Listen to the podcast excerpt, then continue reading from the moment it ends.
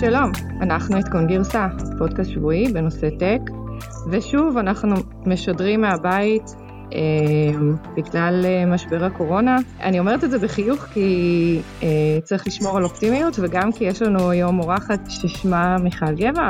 היי, מה שלומך? בסדר גמור. ימים מעניינים. נחמד, טוב, אז זה קורה גם למיכל, ומיכל אה, היא מהמובילות בארץ. בהשקעות בבריאות דיגיטליות, היא גם שותפה מנהלת ומקימה של קרן הון סיכון טרי אה, ונצ'רס. אז אה, מיכל שמנהלת השקעות דיגיטליות עכשיו אה, בבידוד, ואנחנו קודם כל נשמח לשמוע קצת על הקרן ועלייך. ספרי לנו. בשמחה רבה. אז שמי מיכל גבע, ובאמת הרבה מאוד שנים עסקתי בחברות שמפתחות מוצרים רפואיים, גם בארץ וגם בארצות הברית. עזרתי להקים כמה חברות ולגדול איתם וגם אה, למכור את חלקן לגופים אה, גדולים יותר. ולפני כ-11 שנים חציתי את הקווים והקמתי את קרן הון הסיכון שנקראת טרי ונצ'רס, התחלנו בהשקעות בתחום של אה, Medical Devices, ממש אביזרים רפואיים, אה, ולפני כבר כמעט עשור היינו הראשונים שהתחילו לדבר על בריאות דיגיטלית בארץ, כשהנושא הזה עדיין לא היה מאוד אה, פופולרי.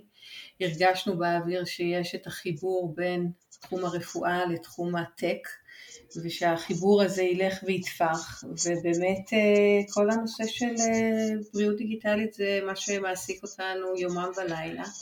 יש לנו קרן ש... אה, גם אה, מהרצליה פה וגם מעמק הסיליקון. מה גודל הקרן, אם אפשר לשאול? כן, אנחנו מנהלים 180 אה, מיליון דולר. אנחנו משקיעים בעיקר בשלבים ראשוניים, שלבי הסיד, שלבי A ו-B. רוב הפעילות שלנו היום זה בתחומים של בריאות דיגיטלית, טכנולוגיות שנדחפות, שנעזרות בדאטה. אמ, יש לנו הרבה מאוד אה, ניסיון בעבודה עם החברות ובאמת אנחנו מנסים להפשיל שרוולים ולהיכנס אה, אה, לעבודה קרובה עם החברות מצד אחד ומצד שני הם מאוד מאמינים בחיבור לשוק ולכן הרבה מאוד מהמשקיעים שלנו הם משקיעים אסטרטגיים. מי המשקיעים? את יכולה לתת לנו כמה דוגמאות? כן, אז יש אה, כמובן משקיעים פיננסיים ולידם יש משקיעים חברות גדולות כמו Johnson and Johnson, Medtronic, Abbott, Boston Scientific, Cardinal Health, יש גם גופי חברות, בריאות, גופי, גופי בריאות. Mm-hmm. יש גם חברות של קונסומר אלקטרוניקס שנכנסו? כן, בהחלט, יש אה, חברות כמו סמסונג ונייקון, אה, סומפו זה חברת ביטוח גדולה אה, יפנית וטלקו גדולים שנכנסים, רשתות בתי חולים. מדהים. מדהים. זה באמת אחת הקרנות הכי מעניינות ש, שאני מכירה בארץ, בטח בתחום של ה digital healthcare, ואני מכירה את מיכל כבר כמה שנים מאז שחזרתי לארץ בעצם מה Silicon Valley, אה, והקרן אה, לפי הבנתי הולכת וגדלה וגם מספר השותפים וה diversity של השותפים.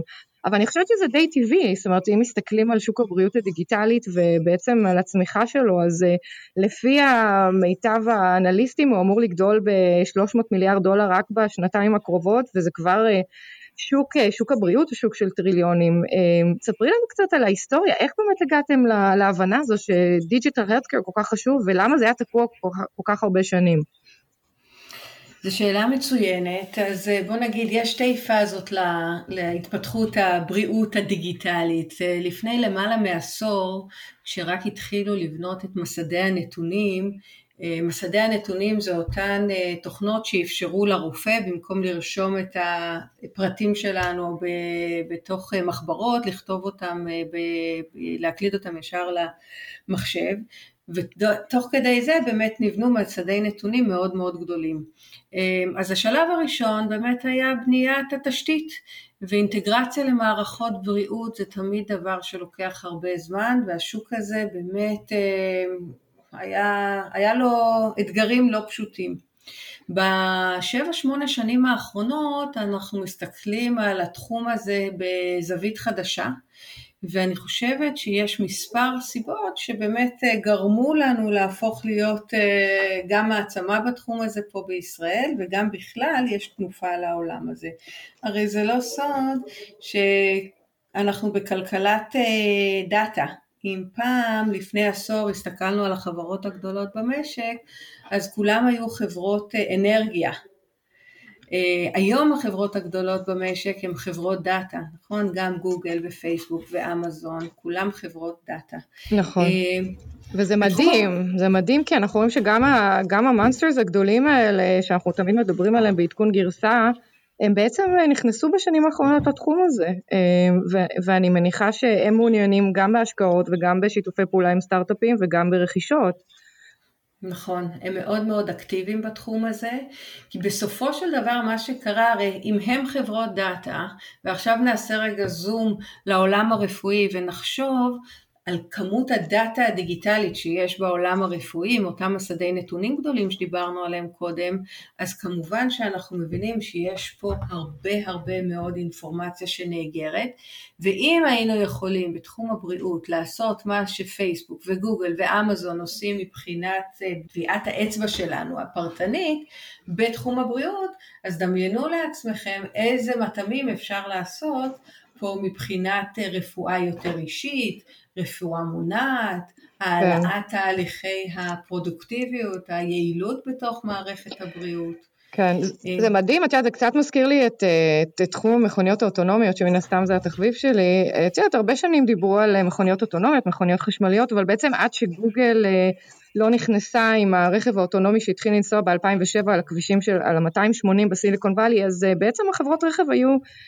הם ניסו, אבל הם לא ממש ממש דחפו קדימה. אה, מעניין אותי אם באמת אה, אנחנו הולכים לכיוון הזה. אה, אני קראתי, את יודעת, קצת עשיתי מחקר לפני הפודקאסט, למרות שדיג'יטל הלסקר הוא פחות התחום שלי, והסתכלתי על אפל, mm-hmm. ואפל נכנסה לתחום מזמן עם שעונים חכמים, מן הסתם, שיכולים למדוד קצב לב, אבל מסתבר שהם מתכוונים להיכנס עמוק מאוד עמוק מאוד אה, לתחום הזה והם בעצם אה, מתכוונים אה, לקחת את כל התחום הזה של, ה, של הדאטה ולהפוך אותו למתנים כמו שאת אומרת. מורגן סטנלי מדברים על אה, שוק של אה, בין 15 ל-300 מיליארד דולר אה, ב-2007 רק במוצרים של אפל ומה שמנסים לעשות זה בעצם לבנות eco חדש של בריאות כמו שהם עשו למוזיקה עם iTunes בעצם אה, הם, הם רוצים לקחת את ה... את יודעת, אה, למשל את ה AirPods ולהוסיף להם אביזרי שמיעה. אה, עם, ה, עם השעון למדוד לחץ דם וסוכר, להעביר נתונים על, על, על האקטיביות של בן אדם מהאייפון לרופא. הם עשו גם כמה השקעות ומדברים על זה שהם הולכים לעשות רכישה גדולה בקרוב. אפליקציות של, של health care, מה, מה את חושבת על זה? קודם כל אני אה, מסכימה איתך לגמרי, אפל בהחלט כמו הרבה תחומים אחרים שהם עושים הובילו את הפעילות הזאת ובאמת הנושא של הבריאות, השעון, הפרמטרים והסנסורים הבריאותיים שהם החדירו לשעון שלהם, הם אפשר להם להכפיל את המכירות של ה Apple Watch פי שלוש בשנה האחרונה ואנחנו רואים גם חברות גדולות אחרות שנכנסות לזה ברגל מאוד מאוד אגרסיבית, גוגל רכשו אה, בשנה שעברה את Fitbit ברכישה של למעלה משני מיליארד דולר, Fitbit בסופו של דבר זה אותו רעיון, עומד מאחוריו אותו רעיון, יש להם אה, ל Fitbit 28 מיליון users שהולכים עם, ה, עם הצמיד הזה אוספים data ביומטרי ומאפשרים לענקית אה, אה, התוכנות גוגל ל- לשים את ידה על ה data המאוד מאוד יקר. גוגל אה, בתחום ה-health care, digital health care, מה שהם עושים בעיקר זה מפתחים APIs, שזה בעצם Predictive Analytics, Analytics Software. בתחום של הבריאות הדיגיטלית, הם, המטרה שלהם זה לייצר בעצם רווחים גם מלייסנסינג, גם מדמי שימוש. אה, וגם מן הסתם כל האפליקציות החכמות שלהם שעוקבות אחרי אה, פעילות גופנית, אה, תזונה ובטח כל הפרסום שהם עושים בתחום באתרים שלהם. אז, אז באמת חלק מזה זה ה-wearables כמו שאמרת, דרך אגב הם השקיעו, עכשיו היו חלק מההשקעה של 145 מיליון דולר בסטארט-אפ שנקרא Element Science, שזה בעצם דיפיברילטור, דיפיברילטור בעברית, שהוא לביש והוא מיועד לחולי לב שבאמת עלולים אה, לקבל התקף לב והדבר הזה באמת יכול להציל אה, חיים. מה, מה עם אמזון? מה הם עושים? הם גם עושים הרבה מאוד פעילות בתחום הזה, הם לאחרונה רכשו שתי חברות, ב...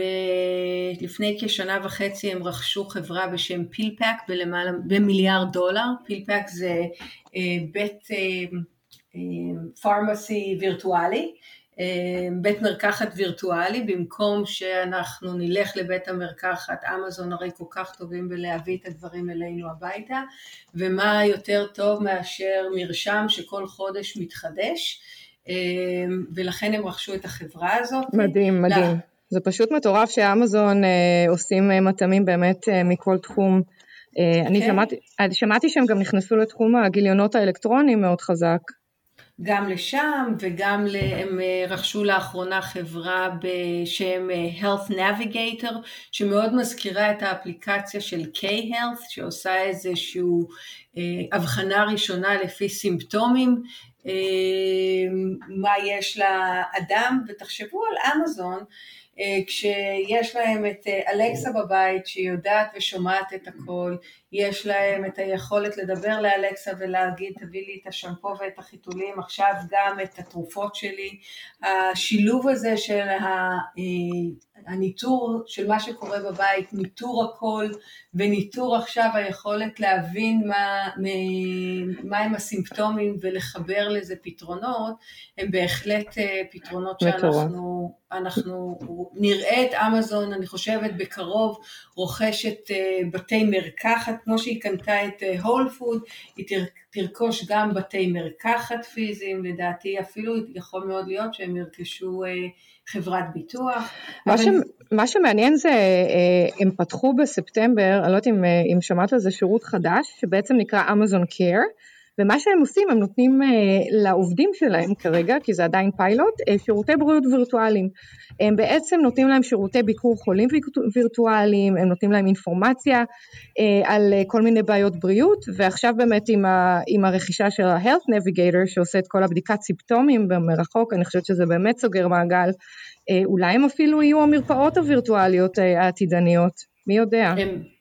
נכון, ובהחלט אנחנו רואים את זה יותר ויותר, החברות הענקיות האלה הרבה פעמים מנסות, עושות את הפיילוטים הראשונים על העובדים שלהם, וכמובן שיש להם עשרות אלפי עובדים, אה, אז זה פיילוט מצוין וקל אה, להתנעה.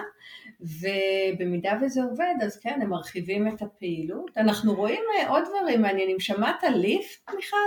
ועל השירותים שהם אה, נותנים בתחום הבריאות? כן. Lyft זה חברה שמתחרה ל Uber? כן, בוודאי. האמת היא שהשם Lyft בא לי אה, ממקום, כשקראתי על חברה שנקראת Xealth, כמו health אבל עם X, מסיאטל, איזה תוכנה שבעצם מושתלת בתוך הגיליונות האלקטרוניים, זאת אומרת אתה הולך לרופא, לרופא פותח את ה, תחת השם שלך איזשהו גיליון, שבעצם מתואר אה, מי אתה, במה חלית, איזה אלרגיות יש לך, מה ההיסטוריה הרפואית שלך, בתוך הגיליון האלקטרוני הזה למעשה סלף נכנסת והיא ממליצה לרופא גם על אה, תרופות, גם על שירותים וגם על מוצרים שאפשר אה, למכור לחולה.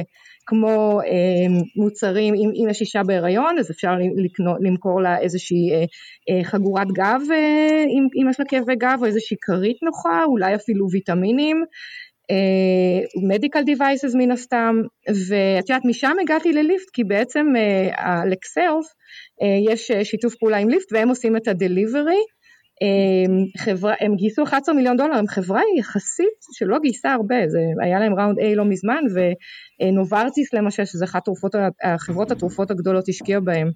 אה, אז, וזה מה ששמעתי על ליפט, מן הסתם גם אה, הרכישות יעשו דרך אמזון והגדולים האחרים שיש להם הזדמנות להגדיל את השוק ואת המזומנים.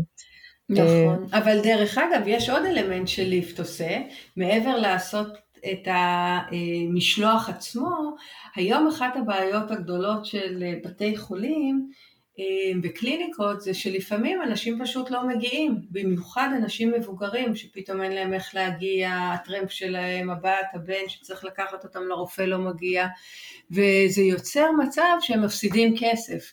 אז חברות הבריאות למעשה, למעשה יצרו אה, שיתופי פעולה עם ליפט, שפשוט מסיעה לקליניקות בתיאום מראש את הפציינטים ומעלה להם את האפקטיביות, את היעילות של מתן השירותים שלהם. כן, זה באמת מאוד מעניין, ואני חושבת שבטח קצת מחוסרי עבודה עכשיו, אז הם, אני לא, לא אתפלא בכלל אם הם ירחיבו את הפעילות שלהם אה, בתחום הבריאות הדיגיטלית. אני גם ראיתי ש-Airbnb מציעים את הדירות שלהם לעובדי אה, אה, בריאות, לחולי קורונה שצריכים בידוד וכולי.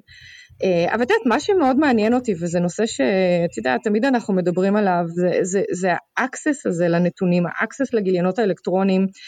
קראתי כתבה חדשה יחסית ב Wall Street Journal, אה, שמדברת על אה, חוק פדרלי חדש בארצות הברית שלמעשה יאפשר אה, מעבר נתונים בריאותיים בצורה הרבה יותר קלה, בעצם בלי צורך באישור החולה, זאת אומרת זה יעבור מהבית חולים או הרופא לגוף שלישי שהוא לא הרופא ולא החולה, זה יכול להיות הגוף ששומר את האינפורמציה ב cloud, זה יכול להיות גוף שמנתח שעושה את ה data analytics של הנתונים שלנו, שלך, אה, וכמובן לחברות, אה, את יודעת, חברות האינטרנט הגדולות שילכו ויעשו את ה delivery של המוצרים או של התרופות.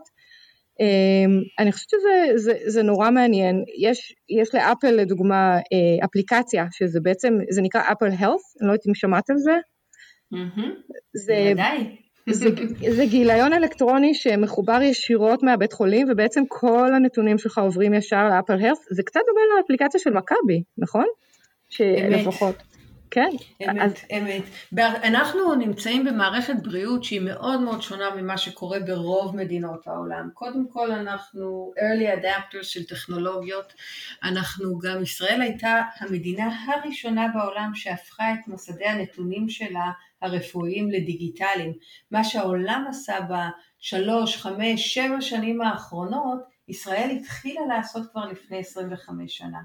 וב-20 שנה האחרונות יש לנו פה מערכת מלאה שהיא דיגיטלית. נכס הגדול שזה נותן לנו כמדינה, ולאורך השנים התפתחו כלים דיגיטליים שמנגישים לנו את האינפורמציה, שמאפשרים לנו לעשות אה, פניות לרופא, לקבל אה, מרשמים מהרופא, אה, דברים שהם יחסית לעולם מאוד מאוד מתקדמים. אז את יודעת, מצד אחד אני נורא שמחה שאנחנו מתקדמים, מצד שני בארצות הברית עכשיו שהתחילו לדבר על החוק הפדרלי שיאפשר העלאת נתונים בלי קונסנזוס או אישור של החולה, אה, יש התנגדות מאוד מאוד רבה, ושאלו אותם מה, מה אתם עושים כל דאטה הזה, אם אין פה בעיה של privacy, ובעצם טוענים שאין להם שום גישה לנתונים ושהנתונים הם encrypted. אמ, את, את בעד, נגד, מה, מה את חושבת על עניין ה privacy פה, שבאמת כל הנתונים חשופים לכל כך הרבה גופים? אז קודם כל זו שאלה מאוד קשה, מורכבת, ובהחלט על סדר היום. מצד אחד, בשביל שנוכל להפיק את התובנות, ונוכל לאפשר לאלגוריתמים לרוץ על כמויות הדאטה המשמעותיות ולהפעיל טכנולוגיות של בינה מלאכותית אה, אין ספק שאנחנו צריכים כמויות אדירות של דאטה, ופה באמת אה, the more the merrier. נכון. הדאטה צריך להיות נקי, הדאטה צריך להיות איכותי, ואנחנו צריכים כמויות אדירות של דאטה בשביל שנוכל להפיק מזה משהו. אם חברת ביטוח עושה איזשהו חיפוש ובמקרה עולה על נתונים בריאותיים, הם יכולים אה, לגלות איזשהו מצב רפואי ולא לאפשר להתקבל לעבודה מסוימת, זה מטריד, וזה קצת מטריד אותי שבארץ אה, עם כל ההתקדמות, ובאמת היכולת שלנו אה, לאגור כל כך הרבה מידע, לא דיברו על privacy בעבר.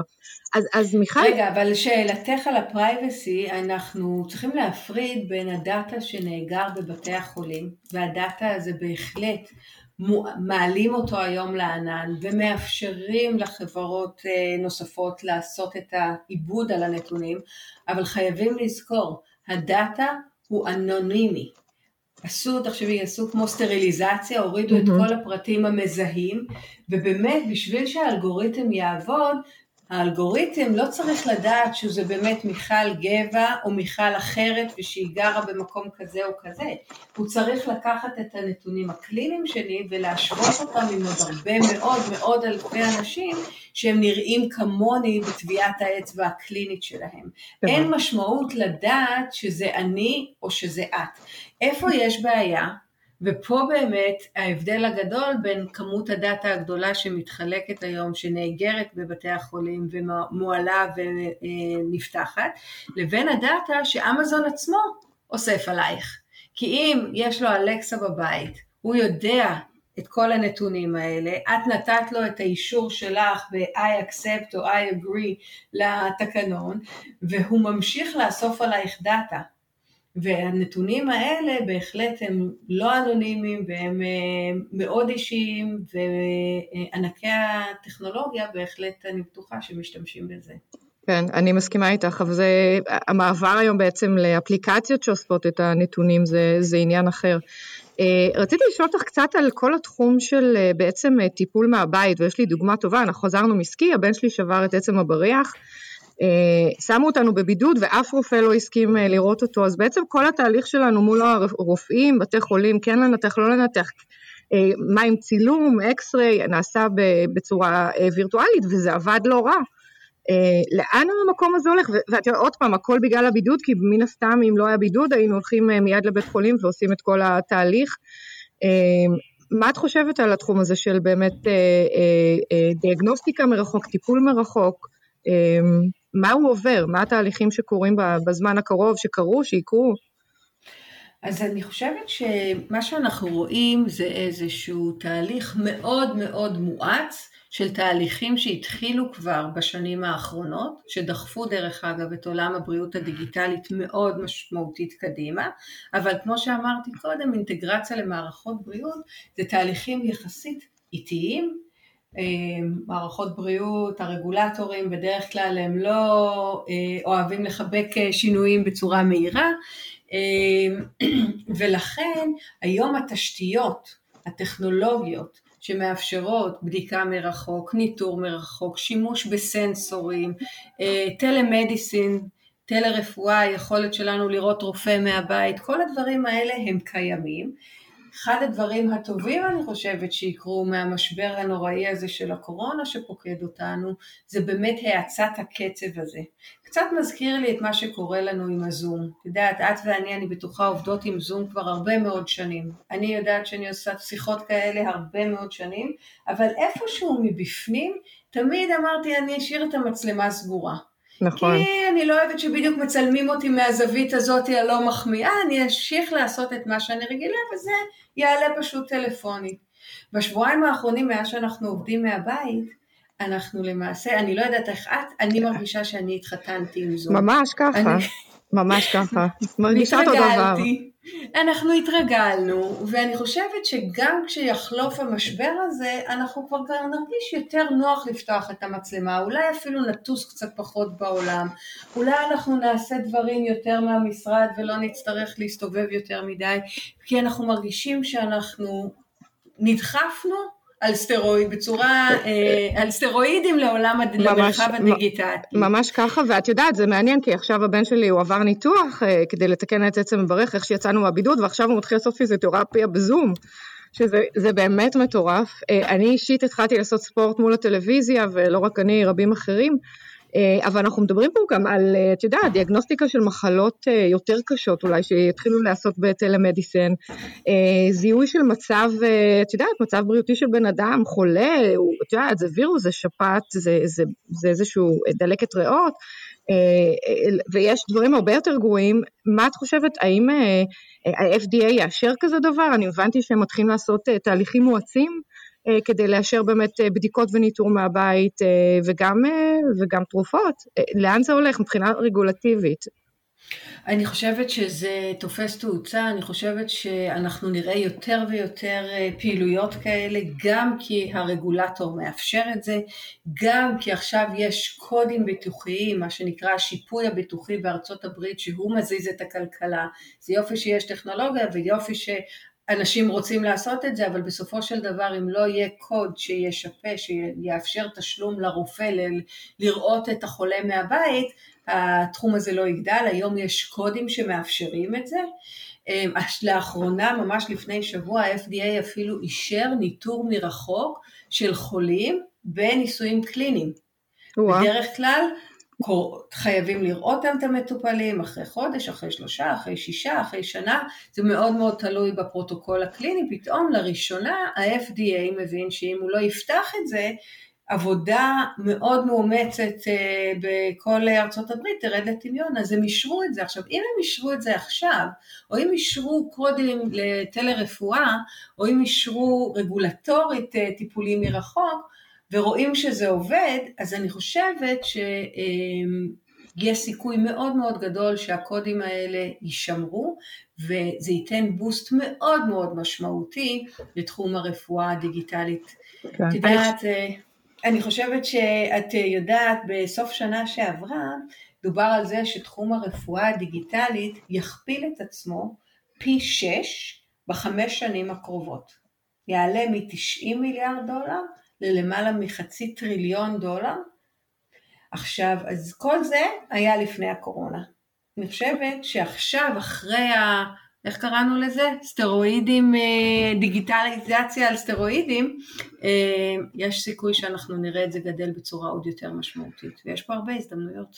כן, אני מסכימה איתך, ובאמת אה, אנחנו שומעים על מודלים עסקיים חדשים, וזה באמת, באמת אולי התחיל בשנים האחרונות על ידי אפל וגוגל ואמזון, אבל היום זה עובר אה, גם לבתי חולים, למרפאות, לממשלות וכמובן אה, ליזמים וכל הסטארט-אפים שמקשיבים לנו עכשיו, זה הזמן באמת לחשוב על החדשנות הבאה בתחום.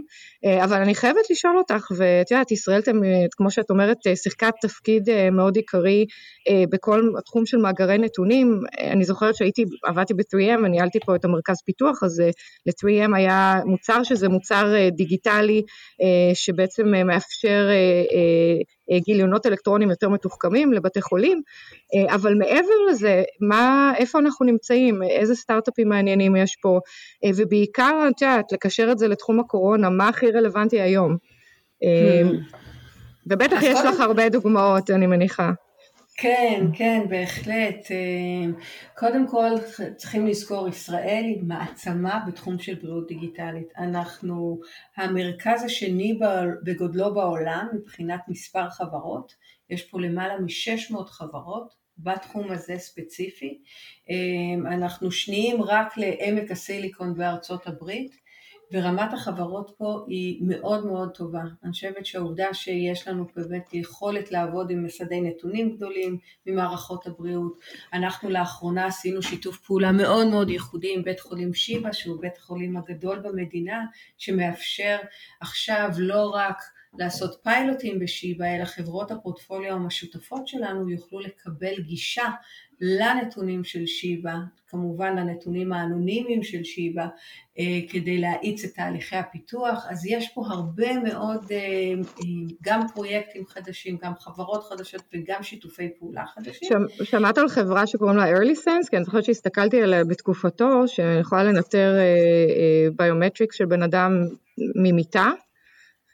בהחלט, מכירה אותם היטב, אמ, האמת שאנחנו עובדים איתם כבר שנים אה, אה, רבות, ו-early sense היום יש לה פתרון מאוד מיוחד שמאוד מאוד עוזר בטיפול בקורונה, למעשה שיבא אה, אימצו את הטכנולוגיה הזו בבתי החולים, בבית החולים האד הוקי שהם בנו לטיפול במטופלי הקורונה, ל-early sense יש סנסור, יש איזה חיישן ששמים מתחת למזרון, שיודע לנטר אה, תזוזה, דופק, אה, טמפרטורה, אה, נשימה, ולקחת את כל האינפורמציה הזו לאורך השנים, יש להם מיליארדי data points, והם בנו אלגוריתמים מאוד חכמים שיודעים לצורך העניין לנטר לדוגמה את תהליכי השינה שלנו, יודעים לנטר מתי ולהתריע לפני שאדם מקבל אה, התקף לב, והכי קרוב לקורונה זה שהם יודעים לנטר ולתת אינדיקציה לצוות הרפואי לפני שאדם מידרדר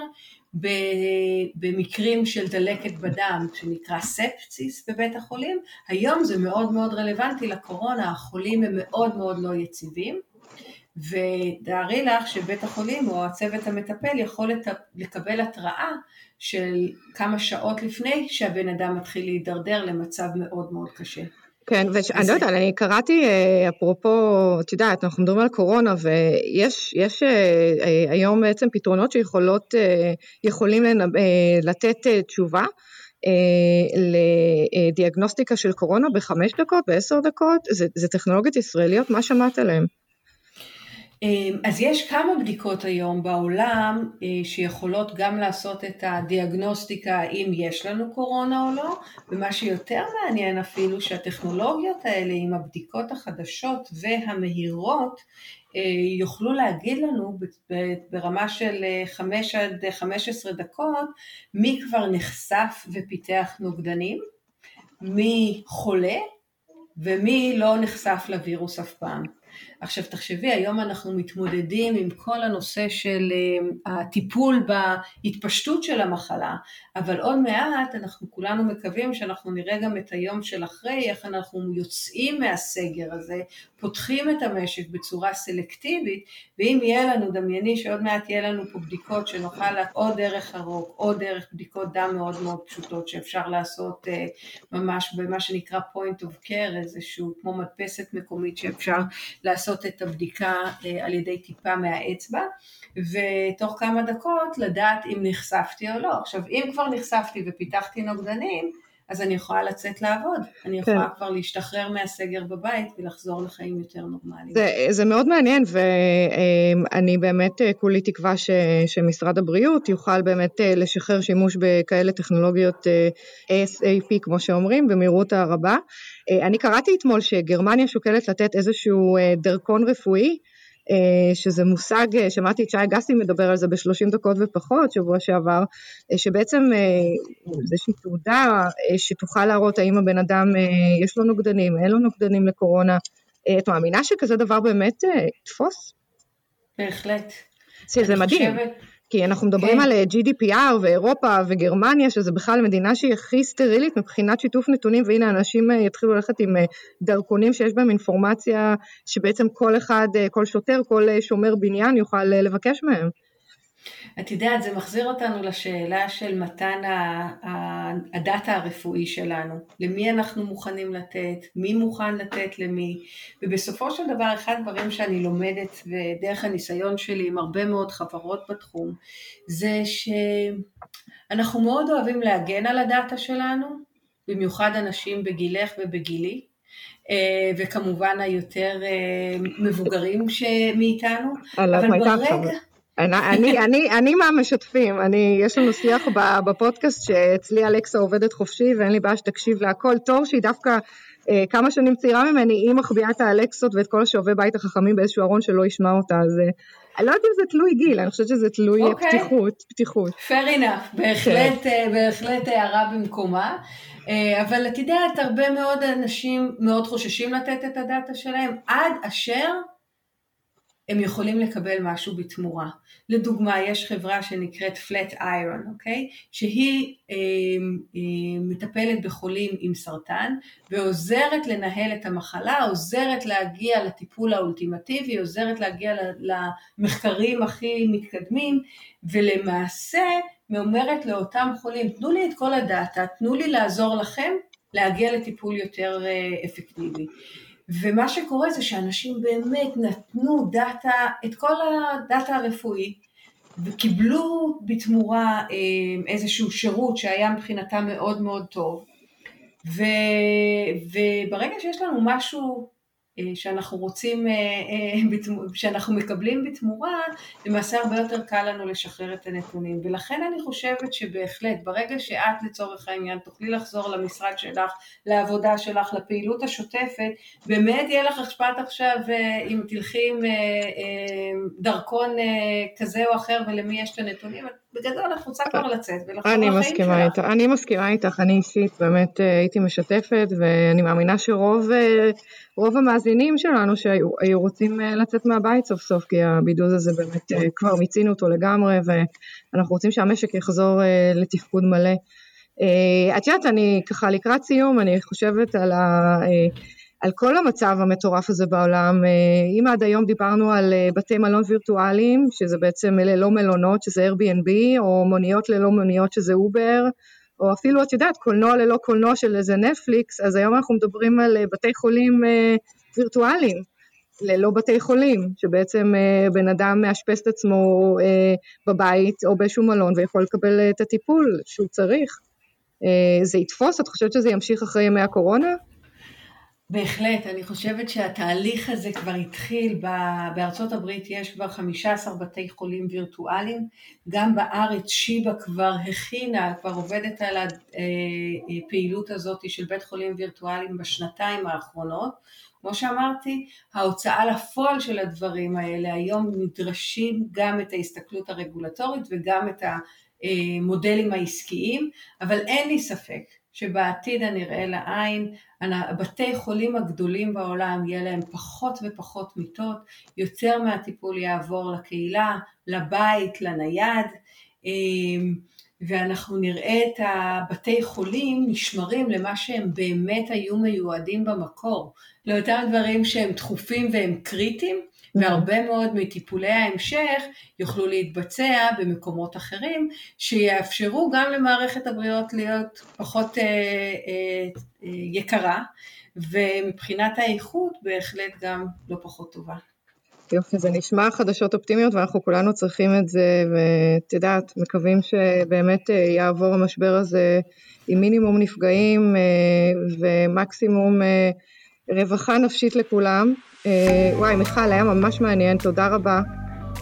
שמחתי לארח אותך, ואת יודעת, הרבה זמן אנחנו מדברות על זה, ועכשיו באמת אה, זה היה זמן אה, מושלם, ורציתי להודות גם לנבות וולק, העורך שלנו, לתור צוק, אה, לגלי צה"ל, לדורון רובינשטיין, ללי, שעומלים לערוך את הפרק הזה בצורה כל כך מושלמת, ולכם המאזינים, שתמשיכו באמת לשמור על עצמכם, ונתראה בקרוב אחרי חופשת הפסח. יאללה ביי.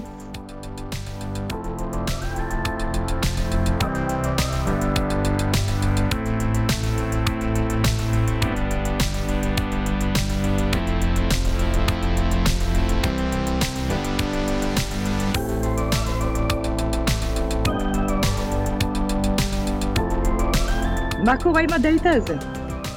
רגע, שנייה. השאלה היא מה קורה עם הדאטה. רגע, חכה. אני חוזרת לפה. כדי להקליט שהסאונד יהיה יותר טוב, זה מה שנובות אמר זו, מה שהתחלתי להגיד זה שאפל ואמזון